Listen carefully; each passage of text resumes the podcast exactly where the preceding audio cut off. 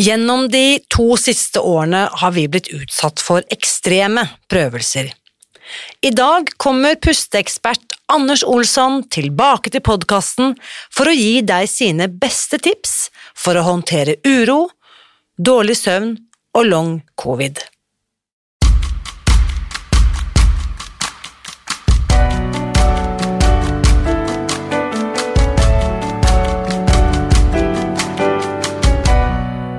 Mitt navn er Irina Li. Jeg er journalist og forlegger, gründer og sosial entreprenør.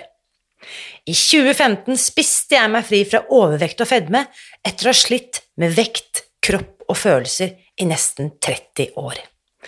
Etter at jeg knakk koden, ga jeg meg selv et nytt oppdrag – å dele denne kunnskapen med alle som trenger det. I denne podkasten kan du derfor høre hele lydboken Spis deg fri. Den finner du ved å bla deg tilbake i arkivet og lytte til første sesong. Hver uke inviterer jeg nå gjester som gir deg påfyll til hodet, hjertet og magen.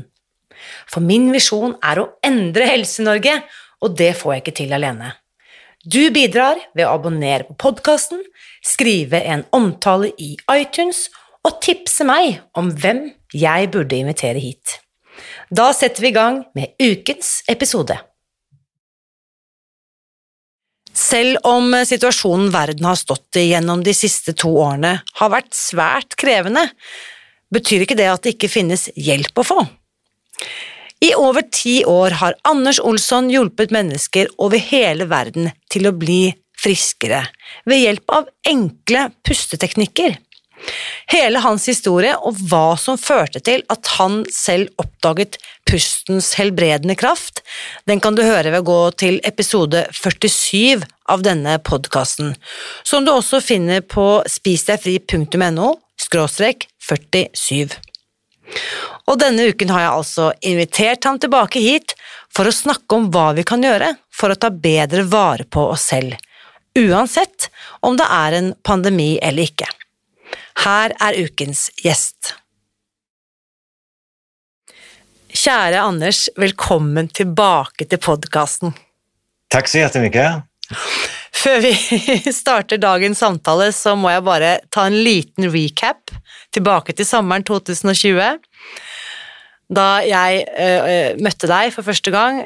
Um, og du skjønte jo at du hadde fått en fangirl inn på Zoom-sendingen din, for jeg var jo starstruck første gang vi møttes. ja. du, du, kommer sikkert ihåg den, eh, den hendelsen.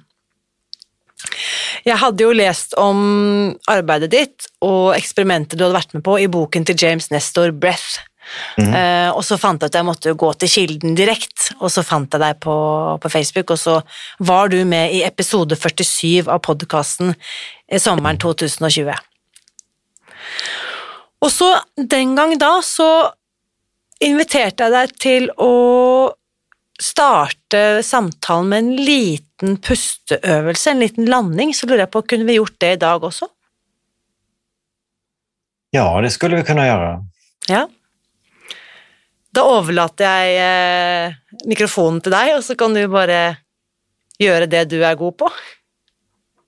Så när jag kör egna podcast, när jag intervjuar, då brukar vi använda den här relaxatorn som jag har eh, tagit fram. Eh, så brukar vi sitta och pusta i den en liten stund, men du har ikke noen sånn framfor deg nå, eller? Nei, og jeg vet jo at de som hører, har jo ganske sannsynligvis ikke relaksatoren. Nei, det er klart. Fordi Nei. relaksatoren, den må vi også snakke litt om etterpå. Det er jo denne lille jeg kaller den ofte en pustesmokk.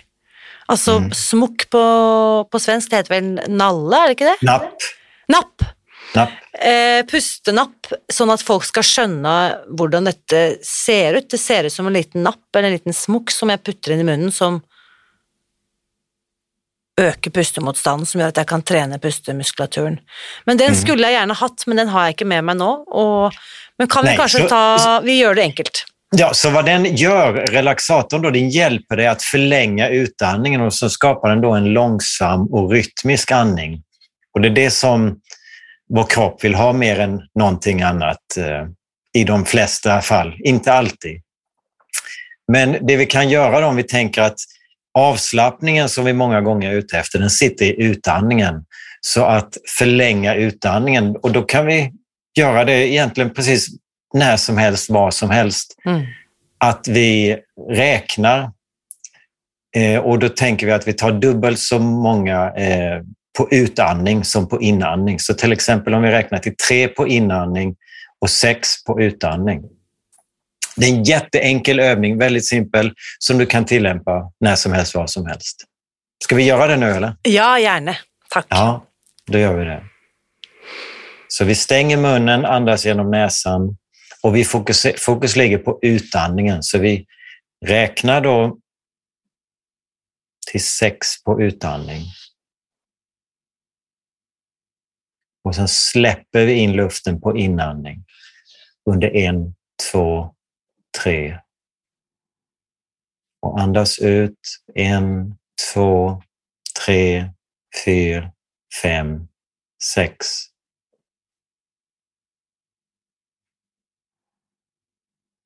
Notera att vi tar inte några stora andetag. Det är inga, utan en, en lugn och avslappnad andning, den är närmast osynlig.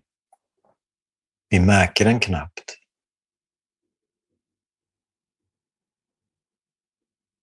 Så när du förlänger utandningen och släpper in luften på inandning, då flyttar ditt fokus. Du synkar ihop hjärnhjärna med hjärthjärna med maghjärnan. Du blir grundad, närvarande, här och nu.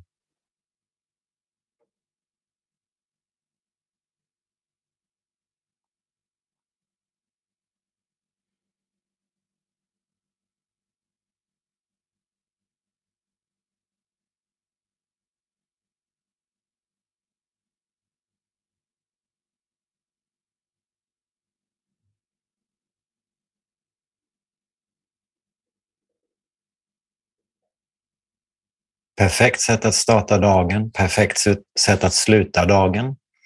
Perfekt att göra om du står vid rödljusen och känner att du är lite stressad. Perfekt att göra inför ett viktigt möte. Perfekt att göra under ett möte. Perfekt att göra innan du ska äta. Eller perfekt att göra när du känner att du är på väg att eh, förlora humöret eller tålamodet med din, dina barn eller din käresta.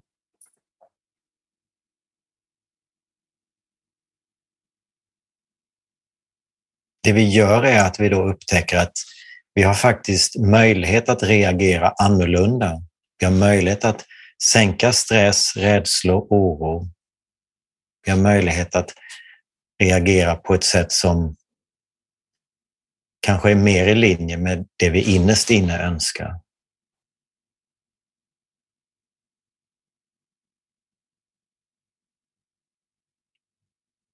Vi kan nöja oss där.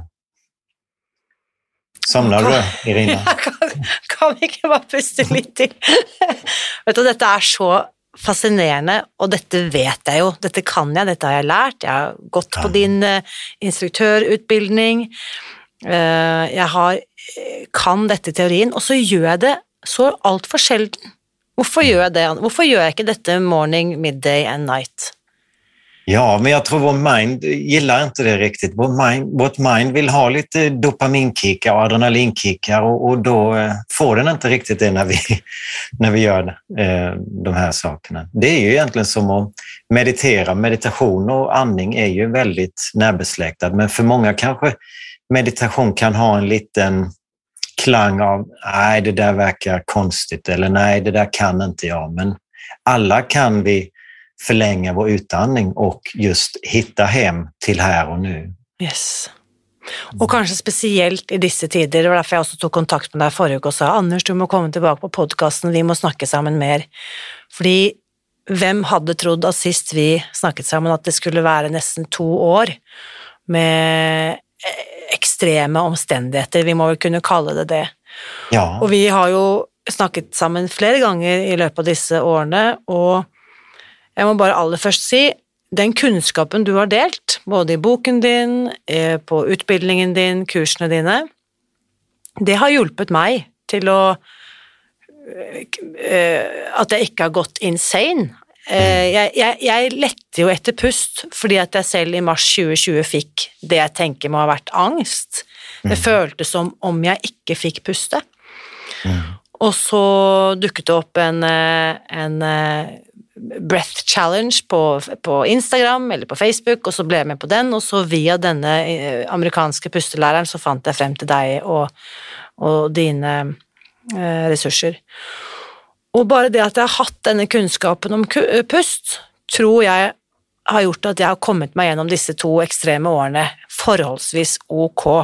Mm. Men jeg ser jo rundt meg alle de som fortsatt sliter med enorme ringvirkninger av alt det vi utsettes for fortsatt. Og jeg vet at det ikke er like ille i Sverige som i Norge, men her går jo fortsatt majoriteten av befolkningen med munnbind, det er fortsatt veldig mange som er isolert, folk kanskje er redde, holder seg hjemme. Mange er jo, altså akkurat nå er det jo veldig mange som er syke med, med omikron. Og alt dette, munnbind, isolasjon, søvnløshet, omikron, long covid, alt dette handler jo om pust. Ja, i, i stor... Nu, nu frågar du mig som är partisk här, då, men min, min uppfattning är ju att det finns väldigt mycket här som är relaterat till vår pust i det som vi har genomgått de sista två åren. Mm. Vad händer när vi blir stressade? Vad händer när vi blir oroliga? Jo, vår pust speglar de här tillstånden. Den blir ytligare, den blir snabbare eller vi håller andan.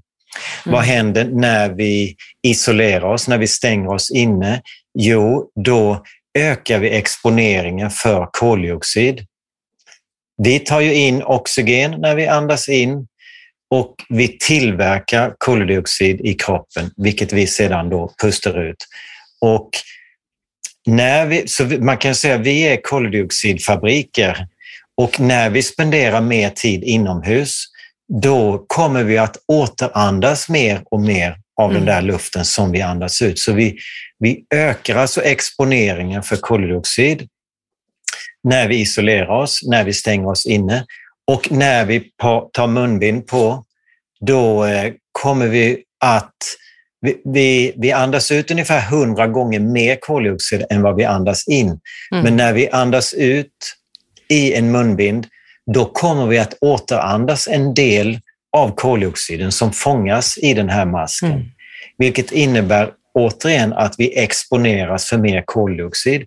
Och eftersom det är koldioxid som styr vår pust, det är inte eh, brist på oxygen, utan det är det här överskottet på koldioxid, det som tillverkas i kroppen hela tiden. Det är när nivåerna ökar och når en viss nivå som, som eh, triggar då vårt andningscentrum i hjärnstammen som får oss att ta nästa Mm. inpust.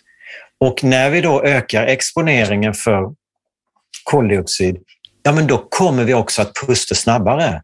Både med mask och med isolering och stress, rädsla och oro. Så de här tre i kombination gör att vi riskerar att hamna i ett permanent stresstillstånd eh, som då kan speglas i vår andning. Og akkurat denne raske pusten, Mm. som da også aktiverer dette sympatiske nervesystemet, der Ja. vi føler at vi er i fight or flight.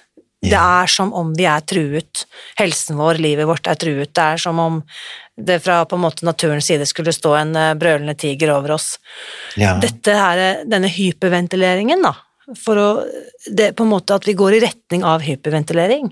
Ja, en, en låggradig form av hyperventilering som är väldigt svår att upptäcka om vi inte Mm. verkligen tittar noga på det. Men Mm. eh, ja, den Och- tar oss till, i riktningen till kampflykt. Ja.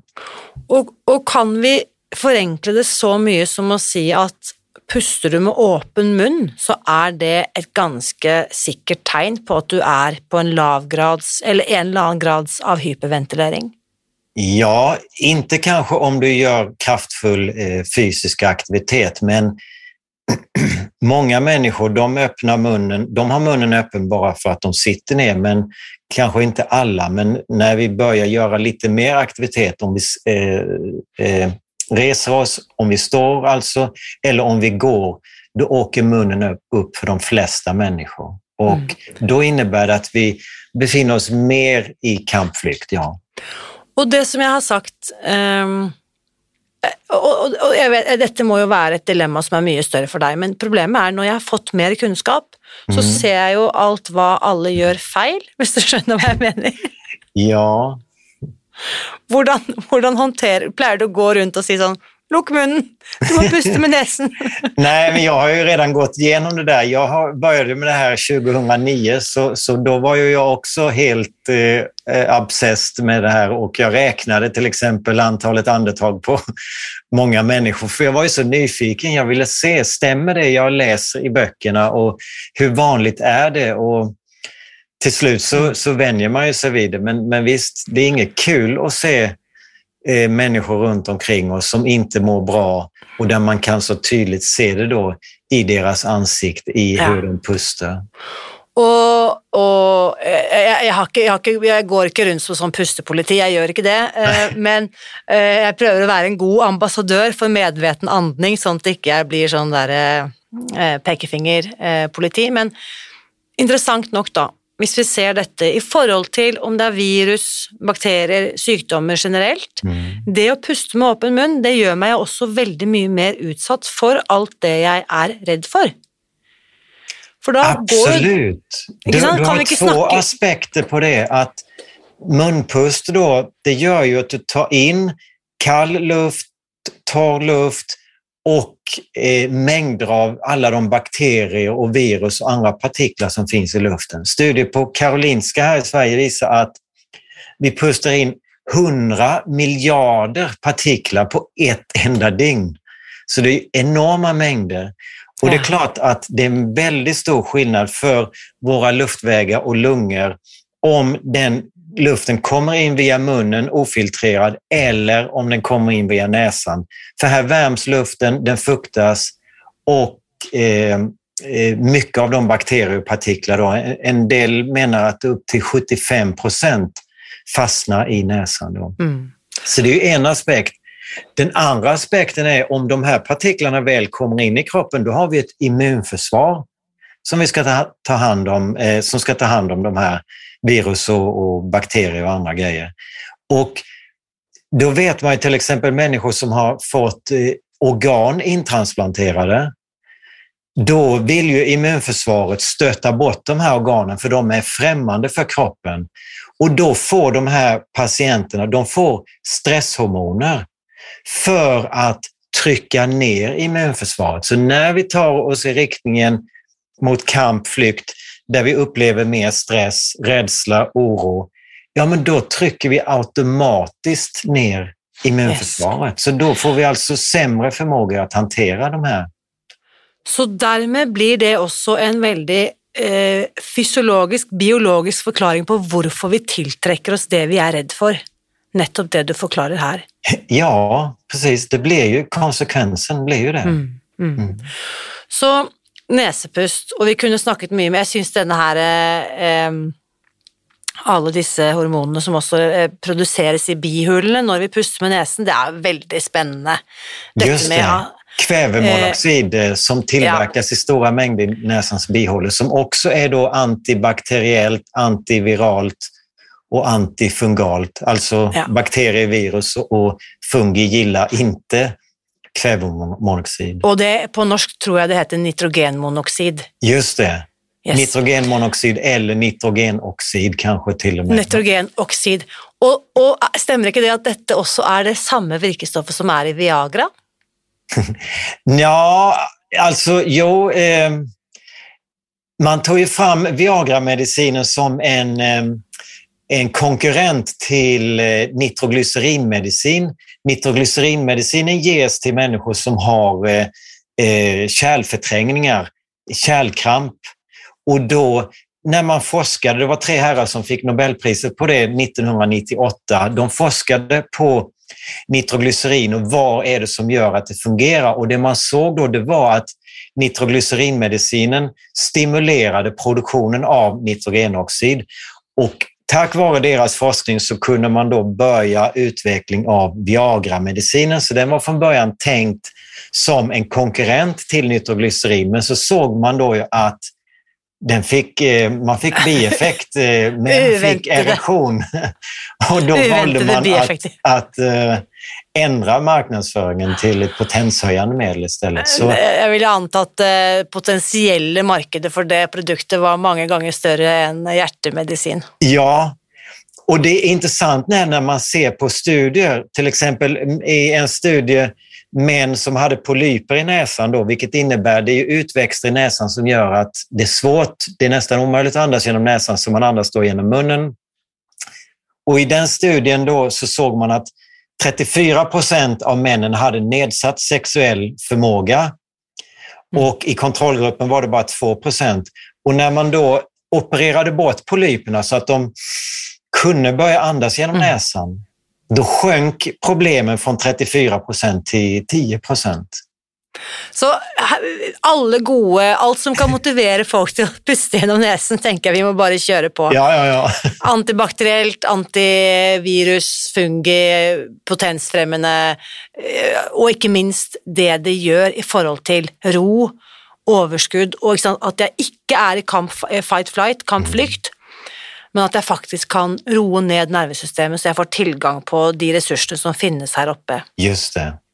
Och, och hjärnan är ju det organ som kräver mest oxygen. Den, den, hjärnan utgör ju bara 2 procent ungefär av totala kroppsvikten, men tar hand om hela 20 procent av vår totala oxygenförbrukning. Så det är enorma mängder. Så hjärnan är ju det organ som tar mest stryk när vi har ändå en mm. försämrad pust. Så när vi går omkring och stresspustar så här, ja men då mm. är vi inte så smarta. Det, det kan de flesta mm. av oss känna igen.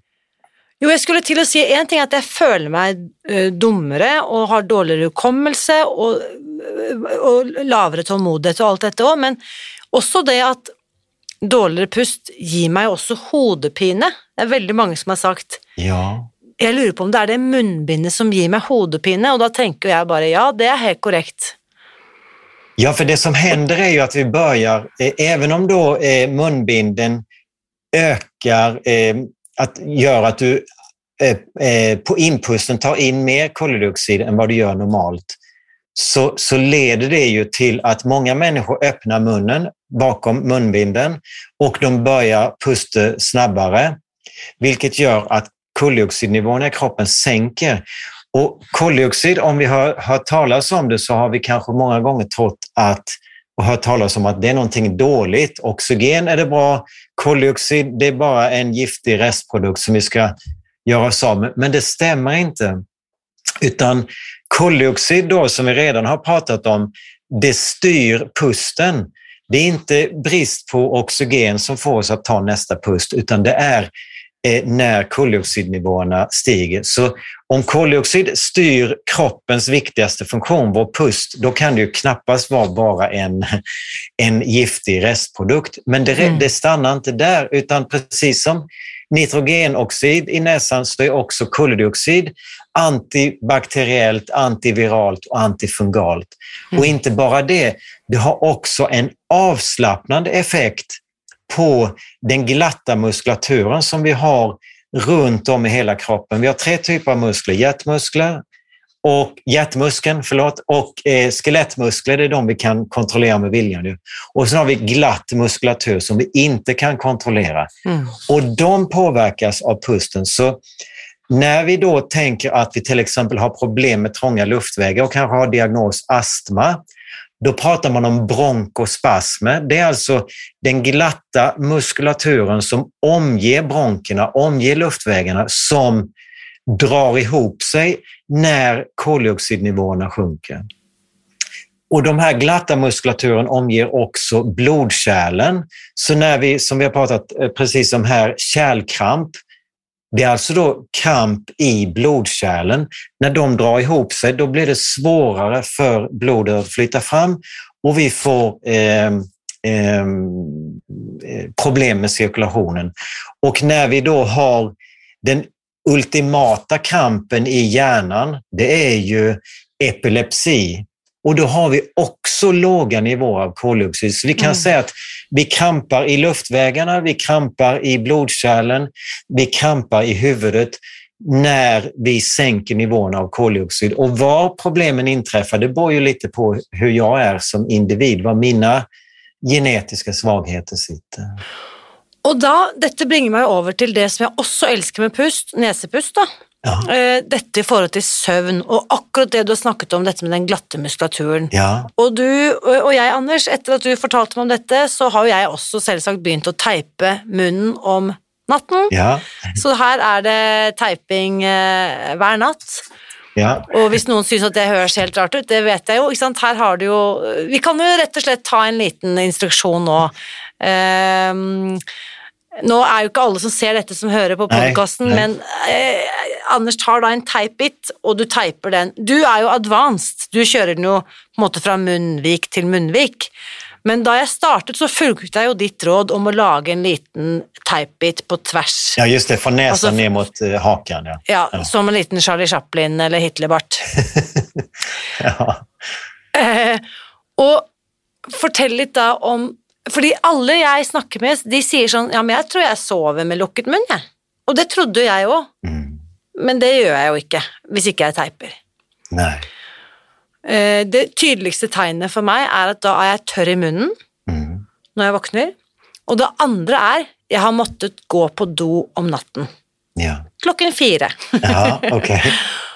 Um, og det er jo akkurat det du forklarte da med denne glatte muskulaturen. For når jeg da heiper munnen og sørger for at jeg bare puster med nesen, så får da også den glatte muskulaturen rundt urinblæren muligheten til å slappe av, Just det, precis. slik at, den, at jeg uten problemer kan holde meg gjennom natten, for å si det sånn. Mm.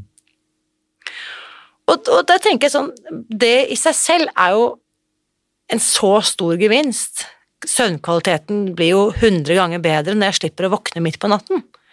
Ja, Eh, Så jeg håper at noen som hører dette, som kanskje også kjenner seg igjen med tørr munn, eller føler at de har litt hodepine, føler at de ikke våkner uthvilt, det er et tegn på at du har pustet med munnen. ja, det är det. Mm. Jag deltog i en studie på Stanford i USA där vi eh, ville testa hur stor påverkan har det. Jag hade ju då under flera år eh, innan den här studien tejpat munnen varje natt i princip. Och där i studien då, då skulle vi eh, blocka näsan under tio dygn så att vi bara pustade genom munnen.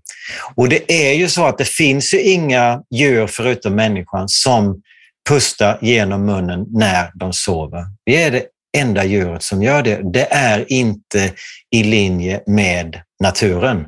Och det som hände där under den här studien, det var ju det, eh, många olika saker. Jag, jag kände mig väldigt stressad. Mitt sockersug eh, steg från inget sockersug alls till sju eller åtta på en skala från ett till tio de sista fyra dagarna. Så det var både pizza och öl och glass och choklad eh, som jag kände att min kropp verkligen behöver. För jag behövde kompensera för sömnen som blev, Mm. det var det som påverkades allra mest negativt. Men Mm. även balansen, även min kognitiva förmåga. Alltså, jag kände mig lite dum ibland. Vi gjorde den här studien i USA och jag kunde märka det på mitt språk, mitt ordförråd. Min förmåga att prata engelska försämrades. Eh, Mm. Men, men om jag ska välja någonting som påverkades allra mest så var det faktiskt sömnen. Så jag snarkade tre timmar per natt i genomsnitt. Jag vaknade inte en gång som du har gjort då, utan jag vaknade fem, sex gånger varje natt. Ja. Och flera av dem så behövde jag kissa. Och jag, jag var ju torr som en öken i munnen. Verkligen. Mm. Och trots det så fick jag inte av mig att dricka. Snacka om att jag var dum. Jag kunde till och med, vet jag, flera gånger, jag tittade på kranen, på vattenkranen, men jag drack inte. Helt fascinerende. Og, og denne absurde, dette absurde og eh, holdt jeg på å si skadelige eksperimentet, det gjorde jo vondt å høre om det. Um, det var jo kontrollert, det var bare ti dager, men dette er jo noe av det James Nestor skriver om i boken Breath. Um, og det er jo en, eh, en, en fortelling om to helter som gjør dette eksperimentet på vegne av all mankind.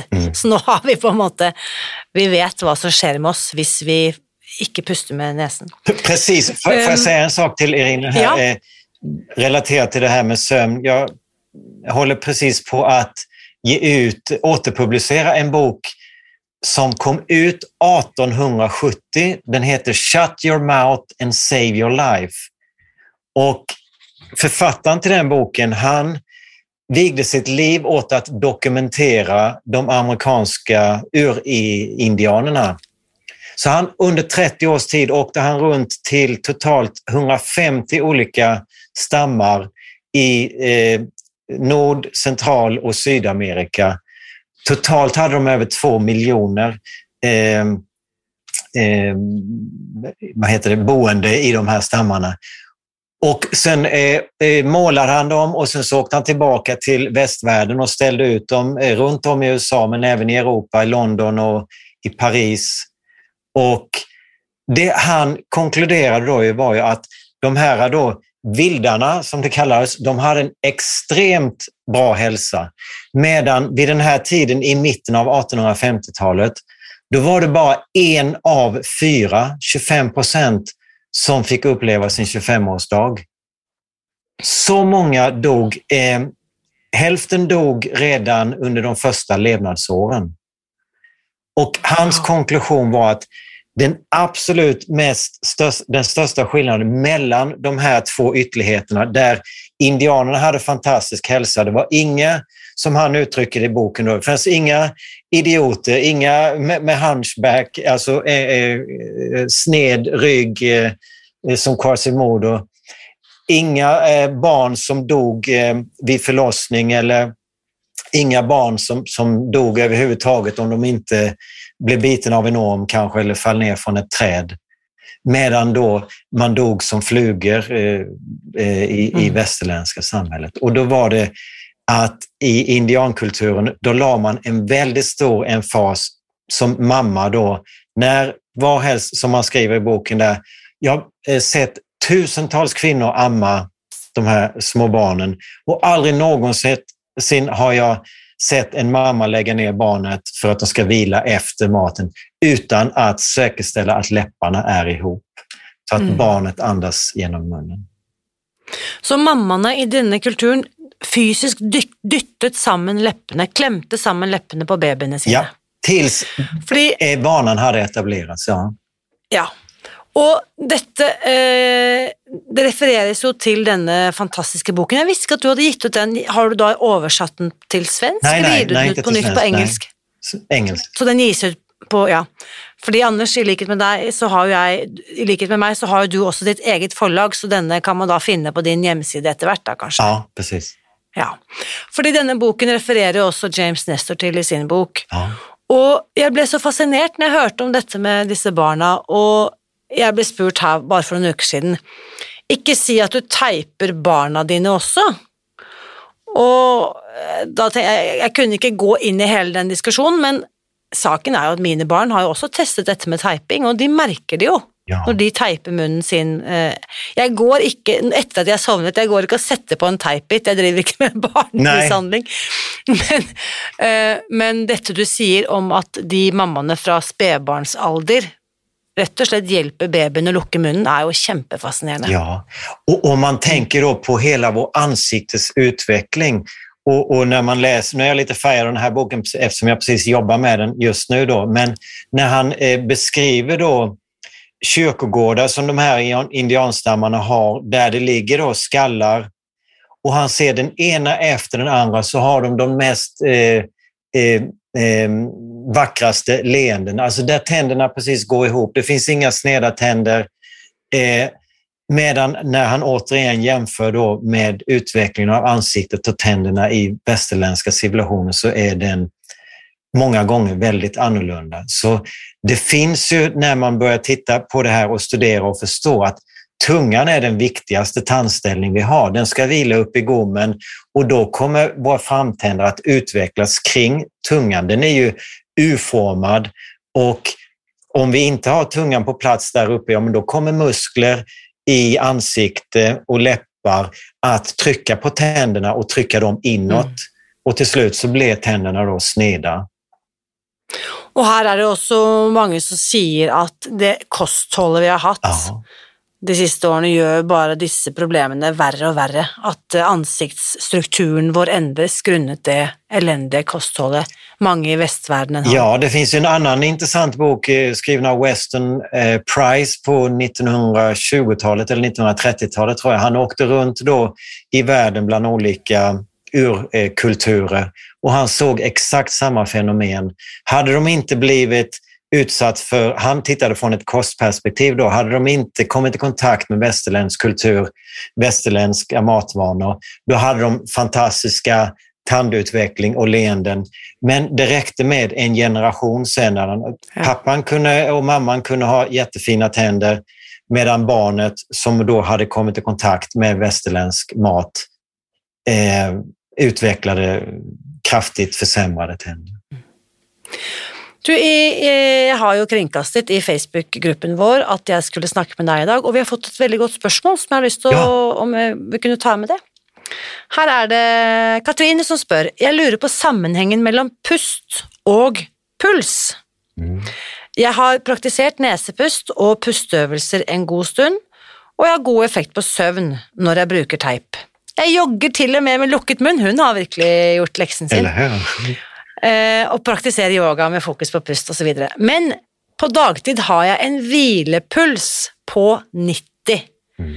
Jeg er langt fra topptrent, men slett ikke akkurat en sofasitter.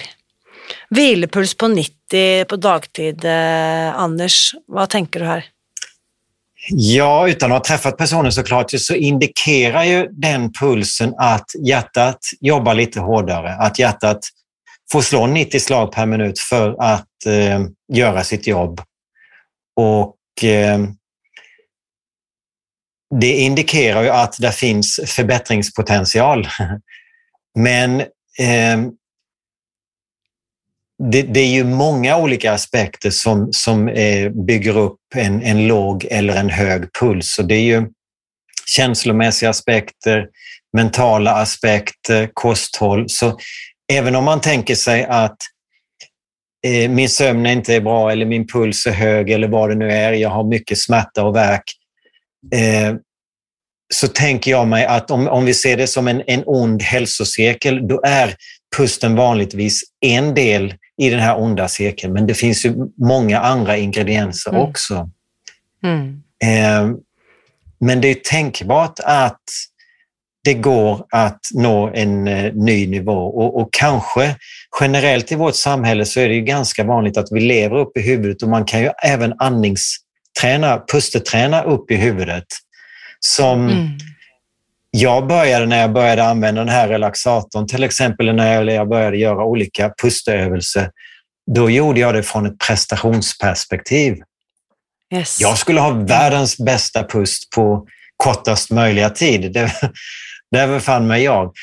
Tills jag insåg att det inte är det det handlar om. Det är väldigt svårt mm. att kombinera prestation med en avslappnad pust och att det är avslappning som vi behöver sätta överst på listan. Så kanske den här personen, jag vet inte när hon, var det en kvinna?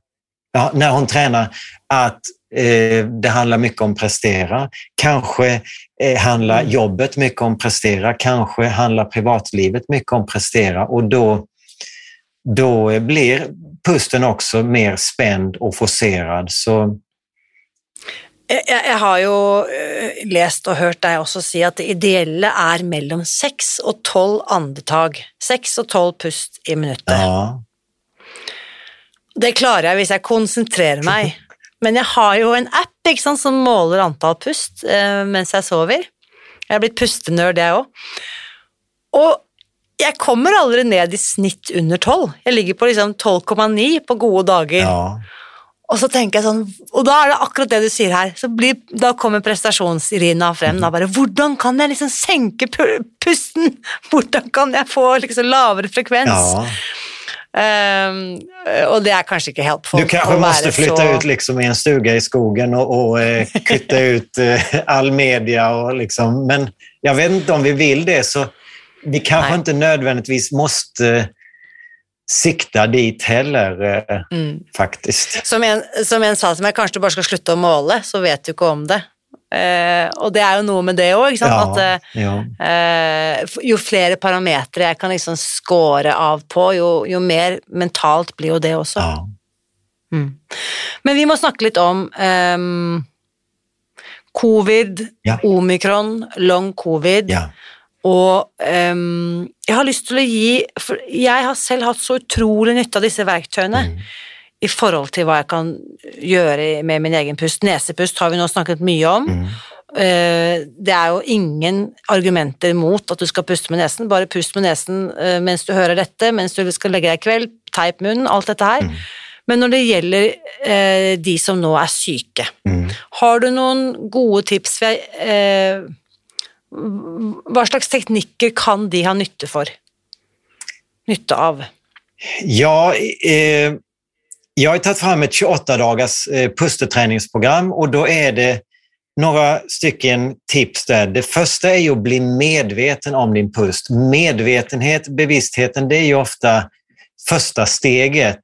Alltså, dricker jag väldigt mycket alkohol eller röker cigaretter men jag är inte bevisst om att det eventuellt skulle kunna vara ett problem för mig, då hjälper det inte om jag eh, åker in på världens bästa alkoholklinik, utan medvetenheten om att hmm, det här kanske inte är helt bra för mig. Den, så, så den, eh, lägg märke till din pust i olika situationer och kanske bli medveten om att du pustar högt upp i bröstkassen eller att du eh, håller pusten när du koncentrerar dig framför datorn. Och när du upptäcker det, var snäll mot dig själv då att ah, vad bra, här har jag förbättringspotential. Potential. Här kan jag då stänga, lucka munnen och jag kan börja pusta, eh, roa ner min pust och eh, pusta rytmiskt.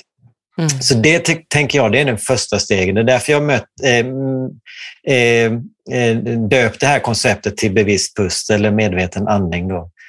Och det andra är ju då att tejpa munnen på natten. Vi sover ju ungefär en tredjedel av vårt liv och det här argumentet då att ja, men jag sover med lucket mun. Det vet vi inte. Jag hittills inte för min motfråga är alltid då, jaha, hur vet du det? Har du filmat dig eller? Det är hittills ingen som har svarat ja att de har filmat sig. Så ingen vet det och även om vi går då och lägger oss med munnen luckad och vi vaknar med munnen luckad så betyder så vet vi inte vad vi gör under de kanske 6, 7, 8, 9 timmar som vi sover. Mm. Mm. Så nummer två då att tejpa munnen på natten. Nummer tre, att göra fysisk aktivitet med stängd mun.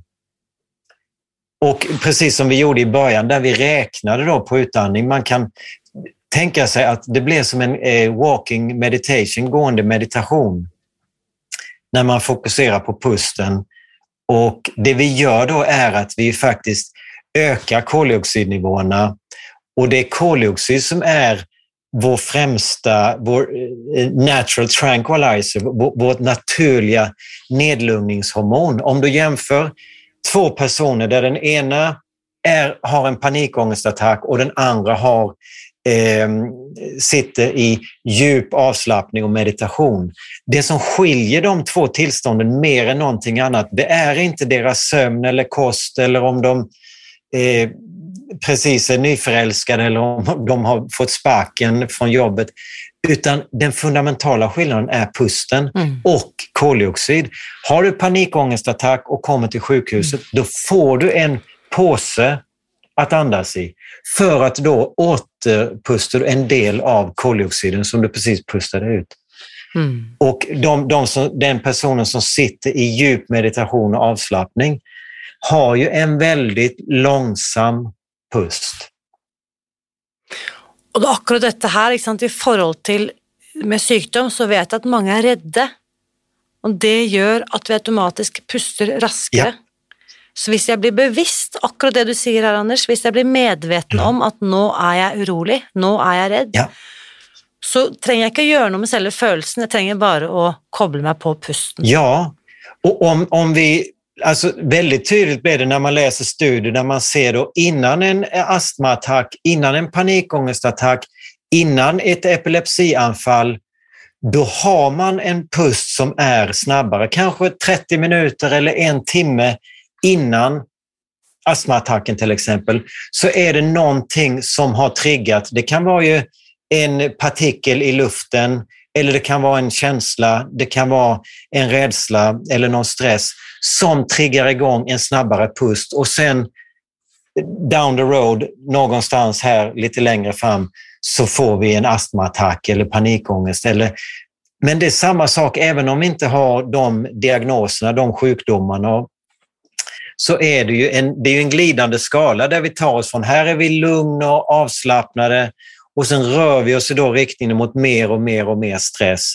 Och då speglar vår pust eh, de här tillstånden. Och bara då, som du säger, genom att checka in på vår pust så kan vi börja bli medvetna om de här uh, relationerna. Och då kan vi göra något åt det. Och vi, rett før vi begynte opptaket, så fortalte du meg om en studie du har lest. og Dette er ikke for å skremme noen, de nå skal si det, men vi må snakke litt om konsekvensene ved eh, disse to årene vi nå eh, legger bak oss. Mm. For det er dramatisk, målbart dramatiske konsekvenser av eh, lockdown og maskebruk og alle tiltak som nå er iverksatt. Kunne du ikke si litt om det, Anders, ja. og, och kilden din för detta? Och det är ju på ett sätt som att vi har levat, levat i två år nästan under en lång, lång, lång utdragen panik och rädsloattack där vi har varit rädd för något osynligt som vi inte kan se. Vi har blivit rädda för varandra. och är det där en potentiell smittbärare? Och det här är ingen värdering överhuvudtaget i det. Och en del älskar att ha mask på sig. En del tycker det är jätteskönt att vara instängda under lockdown. Men när vi tar ett steg tillbaka och förstår hur det här påverkar oss då, när vi lever i den här stressen, i den här rädslan. Så den här studien då har man tittat på nyfödda barn och så har man mätt kognitiv förmåga. Man började mäta 2011. Det här var i Long Island, USA. Och när man jämför då åren, deras, då har de fått en IQ-poäng genom, när man mäter deras eh, kognitiva förmåga. Då. Eh, och I genomsnitt då från 2011 till 2019 så har man ett IQ på 100 medan då barn som är födda under pandemin har ett IQ på 78. Det är en sån dramatisk skillnad, så när författaren då, eh, huvudförfattaren till studien ska försöka förklara det, så säger han att det finns studier som visar liknande, men det handlar då alltså om studier på rumänska barnhem under Ceausescu-tiden när Ceausescu ville få eh, befolkningen att eh, producera fler barn, vilket ledde till att många blev övergivna och hamnade på barnhem där de blev totalt ignorerade och deras då mentala och kognitiva eh, förmåga blev kraftigt hämmade.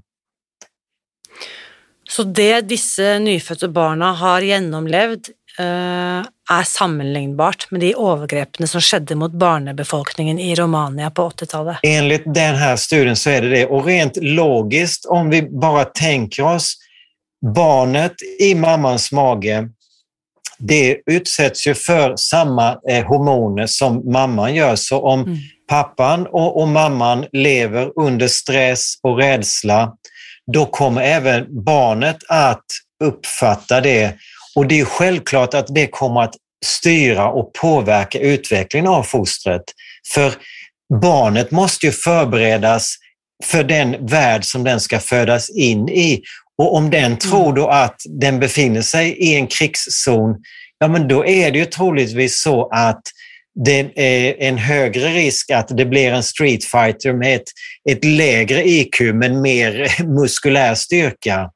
För att det är det som mm. krävs för att eh, hantera kampflykt. Då. Och, och, en ting är dessa väldigt små oskyldiga babyerna. Kunde du ha sänt mig länken till denna studien, annars så ska jag lägga den ut i Facebookgruppen Ja, absolut. För det jag också tänker på är att se på vuxna människor, vuxna smarta människor som i denne pandemien har blitt redde. Mm. Jeg har sett folk kjefte på hverandre, jeg har sett folk nesten fly på hverandre. Altså, vi har så liten toleranse Ja. når vi blir redde. Um, spillerommet vårt blir så lite. Um, så vi blir redde og dumme. eh, Ja, men det är ju så. Eh, som en, en amerikansk, eh, Chris Voss heter han, han har skrivit en bok. Han var tidigare gisslanförhandlare på FBI under 17 år tror jag och åkte runt till konflikter vä- världen runt. Och han säger When you're afraid you can't think. När vi är rädda kan vi inte tänka och min viktigaste uppgift mer än någonting annat, om jag överhuvudtaget ska ha en möjlighet att lyckas med mitt uppdrag, vilket är att få information från motparten, då måste jag få ur eh, eh, stressen. Jag måste få dem att känna någon form av förtroende, mindre rädsla, mindre stress, mindre oro. Då börjar deras hjärna att fungera Mm. igen. Så det här är taget inte från någon pandemi överhuvudtaget, utan det är taget då från olika terroristscenarium och eh, hans konklusion, vilket jag tror vi många kan eh, hålla med om. När vi är rädda så kan vi inte tänka. Mm. Jeg lurer på nå, alle mine krangler med mine barn, de skjer jo midt på dagen, eller sånn på ettermiddagen, rett før middag gjerne, når vi ikke har spist og alle er sure og slitne. Ja. Mens på kvelden når de har lagt seg i sengen, så er de ofte veldig mye mer harmoniske. Så jeg lurer på, det kan jo rett og slett ha å si at de da puster litt roligere, at de blir litt smartere og litt vennligere innstilt. Ja, det är ju tänkbart att alltså, orsak och verkan, det finns ju, det är inte bara i naturen det är orsak och verkan, utan det gäller ju även våra Absolut. beteenden. Alltså, hur, hur, hur smarta och snälla och vänliga och kreativa och duktiga är vi när vi inte har sovit en hel natt? Alltså, Fantastisk. Mm. Jo, ikke sant. Og, og det siste jeg vil at vi skal snakke om, eh, Anders, det er også i forhold til dette med long covid. Ja.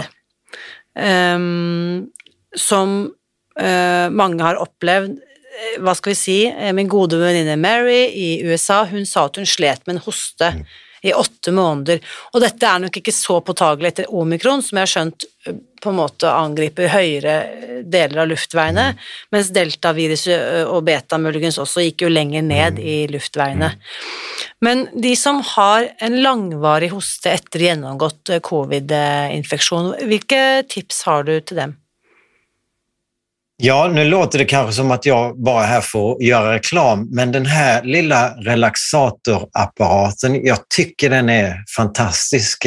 Den är fantastisk, snakk gärna om den. Och vi, vi snackade om den här denne pustesmokken, pustenappen, andningsnappen, eh, relaxatorn, som, som koster ju inte många pengene på hemsidan. din. Den, eh, den är ju en liten träningsmanual för pustemuskulaturen. Fortell om den. Ja, alltså eh, om du har en hosta och så får du den i munnen, då slutar du hosta. Och ett sätt att se på hosta, det är ju att när luftvägarna då är inflammerade, infekterade, så är de svullna också och trånga. Och då blir det svårt för luften som vi pustar in att nå ut till alla delar av lungorna. Och för att kroppen då ska kunna göra sig av med slaggprodukter så har vi hosta som en, en form av backup-system. Det är till exempel därför som rökhosta är vanligt hos rökare. De tar ju Mm. in ett blås med mycket partiklar ner i lungorna och, och kroppen klarar inte av att hantera allt det på egen hand. Därför behövs hosta och slem för att få upp de här rökpartiklarna. Så när vi då sätter den här relaxatorn i munnen, då andas vi ut genom ett motstånd som vi ställer, bara ett mjukt, mjukt, mjukt motstånd. Och det här eh, lilla motståndet gör då att luftvägarna öppnas upp. Dels på grund Mm. av att vi ökar trycket i lungorna, men också på grund av att vi saktar ner andningen, vilket gör att vi ökar nivåerna av koldioxid i, i, i, lungorna. Och då får- eh, fås den glatta muskulaturen, den kan slappna av och då vidgas luftvägarna. Och det är då luften kan börja cirkulera och vi behöver inte hosta längre. Så den här eh, nedåtgående spiralen vi har då där luftvägarna blir trånga och där det är ökad risk för infektioner då och på sikt kanske även lunginflammation då om det blir områden där inte luft kommer in och där det blir instängda bakterier och viruspartiklar, då, då skapar ju det en, en miljö som gör det möjligt för dem att föröka sig. Så Nej. därför vill vi ha cirkulation i lungorna. Och för de som är känt med yogapust eller sån ujjayi breath, mm. Eh, Ojai-pust, det är många namn. Det kan ju också vara, den gör något av detsamma som det, det relaxatorn gör, nämligen Precis øker pustemotstanden. Så for de som nå tenker sånn, ja, men den har ikke tilgang på den relaksatoren, så kan det å gjennomføre ojai-pust være en, eh, ett gott alternativ. Ja, absolut. Så, så, du kan också använda ett sugrör. Om du bara sätter ett sugrör i munnen och sen andas du ut genom det, då blir det automatiskt ett litet ökat tryck i lungorna. Du kan också göra det genom sammanpressade läppar. Där du pustar yes. ut, eller den här ujjayi-andningen som också kallas Darth Vader-andning av en del, där man alltså snöper åt lite i halsen och mm. Mm. väser ut luften. Det är eh, bara för att vara helt precis på instruktionen. Jag pustar alltså in genom näsan mm. och ut genom relaxatorn eller detta sugröret eller sammanpressade läppar. Ja. Så det går in genom näsan och ut genom munnen. Men med ujjayi så kan du också göra det ut genom näsan. Du bara snöper du åt i halsen lite. Yes. Ja. Och den, eh, hvis någon är väldigt nyfiken på den ujjayi-pusten, så eh, första gången jag lärde den så var det som att du, att du tänker att du har ett spegel eller ett glas föran ja, dig och så ska du blåsa dugg på speglet, så du ska göra sån Precis. Som om du ska på något sätt dugga ett fönster. Ja. Och då får du den Darth Vader-pusten. Ja. och, och, så ska du lukke munnen, och så ska du behålla denna pusten ned i halsen, både på in- och utpust. Så jag hoppas att, nu har vi snackat mycket om förebygging, mm. och vi har snackat eh, när det är akut fara, och vi har snackat också om rekonvalescens. Mm. Uh, och jag hoppas nog alla har märkt sig att det är en ting som går igen, nämligen näsepust, näsepust, näsepust. Ja. Kan vi inte säga så? Om det är en ting folk ska huska? Jo, en, en bra pust börjar i näsan, men det är också viktigt att säga att det slutar inte där, för, för ganska många gånger har jag stött på människor som har gått mina kurser och sagt nej, nej, men jag har koll på det där med pusten nu, för jag pustar genom näsan. Ja, men eh, tänker jag då när jag ser dem pusta att eh, de kan fortfarande pusta högt upp i bröstkassen trots att de pustar genom näsan. De kan fortfarande hålla pusten i tid och otid. Så det är en väldigt bra början att lucka munnen och pusta genom näsan, ja.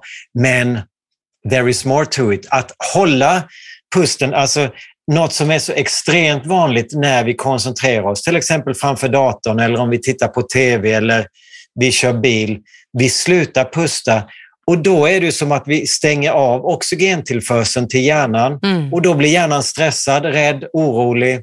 Och det är då vi tror att, aha, jag måste ha en kopp kaffe eller jag måste ha en eh, chokladkaka eller eh, jag måste whatever jag nu måste göra. Men det är helt enkelt att hjärnan blir stressad eh, för att den får eh, oxygenmangel och då eh, det är också något som är väldigt viktigt att, att eh, lägga märke till så näsepust och att den är rolig och rytmisk. Ja, rolig och rytmisk. Precis. Då har vi en god start. God start. Um, för att säga det så, uh, Anders, uh, nu har du alltså varit med uh, två gånger i podcasten mm. och jag kan garantera att jag kommer att invitera dig tillbaka igen. Uh, för detta är, vi, vi, av allt det vi räcker att snacka om så skrapar vi ju fortsatt bara i överflaten på det havet av kunskap du besitter. Och så vill jag bara, för jag vet att det är många som också lyssnar till svenska podcaster, kan inte du, du fortalte mig nämligen att du nu i februari 2022 ska vara med både på tv och, och podcast i Sverige. Fortell om det. Ja, jag ska vara med på TV4 eh, 28 februari. Eh, Malou efter tio tror jag det hette programmet. Och, och sen finns det en podcast som heter Framgångspodden. Jag tror det är Nordens största podcast. Så det ska bli jättekul. Och där, då spelar vi in samma dag, den 28 februari, men när det sänds, det, det vet jag inte riktigt. Nei, så da betyr det også at du kommer også på Framgangspodden, for den vet jeg at veldig mange Ok. av de som lytter til Spis fri-podden, hører også på Ja, Framgangspodden. ja. ok. Og, og, og han er jo helt fantastisk, han er veldig, veldig flink. Ja. Så, så jeg blir så glad, det betyr jo at veldig mange i hele Norden også kommer til å høre deg fortelle om dette der. Ja, för det, det vi vi behöver göra det är ju att ta oss ur den här, vilket jag tycker närmast groteska övertron till piller och, och sprutor och, och knivar och där vi nästan, om, vi, eh, om det är någonting mer än något annat som tycker jag kännetecknar den här pandemin, det är ju frånvaron av tips på vad kan jag göra för att stärka mitt immunförsvar, för att ta hand om min hälsa. Här har vi under två års tid varit totalt eh, fokuserade på vår hälsa, men väldigt, väldigt lite information om vad kan jag göra själv. Det är som om att vi ska sitta som passiva fågelungar och vänta på att bli matade med ett vaccin. Jag säger inte att, att eh, vaccin nödvändigtvis är fel, men vi har ett fantastiskt immunförsvar och det som jag saknar det är en vision. Här i Sverige har vi Trafikverket som har en nollvision. Det ska vara noll svenska döda i trafiken. Huruvida de kommer lyckas med det, det vet jag inte, men visionen finns där. Och om de är det minsta tveksamma när de kommer till jobbet vad de ska göra, ja men då bygger de alltid en vägbula eller en avsmalnad väg så att det, eh, vi inte kan köra så fort. Tänk om vi hade en hälsovision som till exempel sa här i Sverige, vi ska vara världens friskaste folk eller i Norge Mm. samma sak. Eller att vårt företag, det ska vara det friskaste företaget i stan eller den här eh, skolan ska vara den friskaste skolan i kommunen. Mm. Vad skulle hända då om vi började? För i många andra fall så jobbar vi väldigt mycket med drömmar och sätta mål och ha visioner. Men när det kommer till vår hälsa, då är det faktiskt så, inte för att jag menar att någon läkare eller annan sjukvårdspersonal går till jobbet och tänker så, men faktum är att vårt sjukvårdssystem lever och frodas av sjuka människor. Yes. Og, og du vet jo, jeg skriver jo i boken Spis deg fri at eh, min visjon er å endre Helse-Norge. Ja, Så kanskje vi i fellesskap, Anders, skal bare si at vi, vårt mål er å endre Helse-Skandinavia. ja eller hur? Ja. Men ehm, jeg må bare si på vegne av meg selv og alle de som jeg også har gitt kunnskapen din videre til, må bare gi deg et, et stort, enormt takk. Tack. For dette har eh, virkelig gjort livet mitt så mye bedre. Så det er jeg utrolig takknemlig for. Underbart. Vad härligt. Vi snakkes snart igjen, eh, Anders. Vi deler linken til studien du snakket om i Facebook-gruppen, og, og har noen spørsmål, så finner de også deg eh, på din hemsida medvetenandning.se. Ja. Tack snälla för att jag fick vara Ta- med. Takk for i Takk. dag. Nå lurer jeg på, hva tenker du etter å ha hørt eh, Anders fortelle i dag? Samtalen etter ukens episode fortsetter som vanlig i Facebook-gruppen Spis deg fri, hvor du også kan se hele videoopptaket av dette intervjuet. Og i Facebook-gruppen legger jeg også ut link til forskningsrapporten som eh, Anders refererte til i samtalen vår.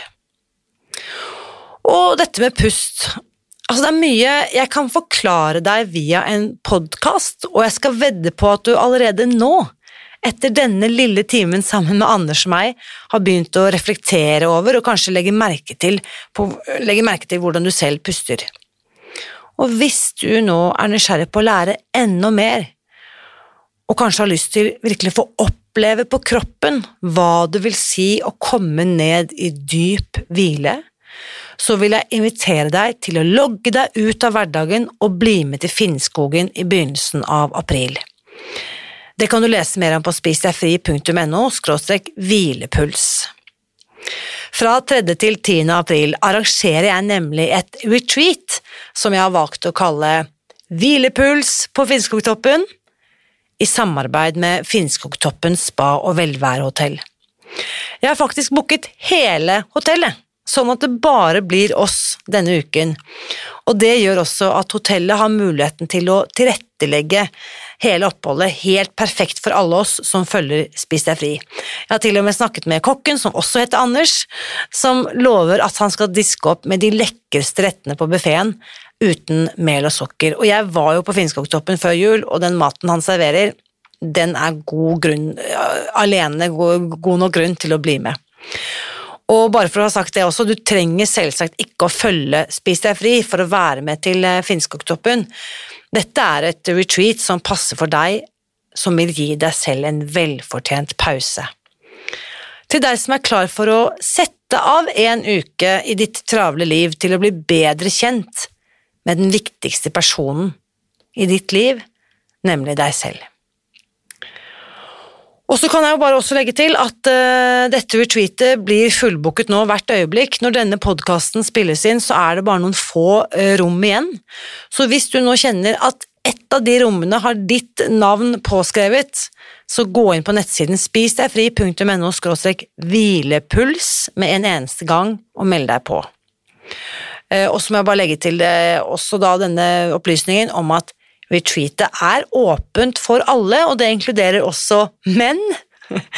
Selv om samtlige som har meldt seg på så langt, det er kvinner.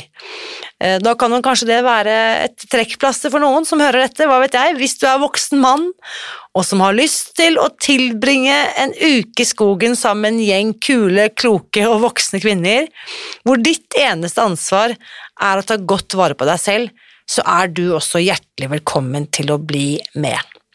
Og du finner altså mer info eh, og link til påmelding ved å gå til spisdegfri.no skråstrek hvilepuls. Og helt til slutt Husk at uansett hvordan du velger å puste deg gjennom denne tiden vi står i nå, så vit at jeg heier på deg. Alltid.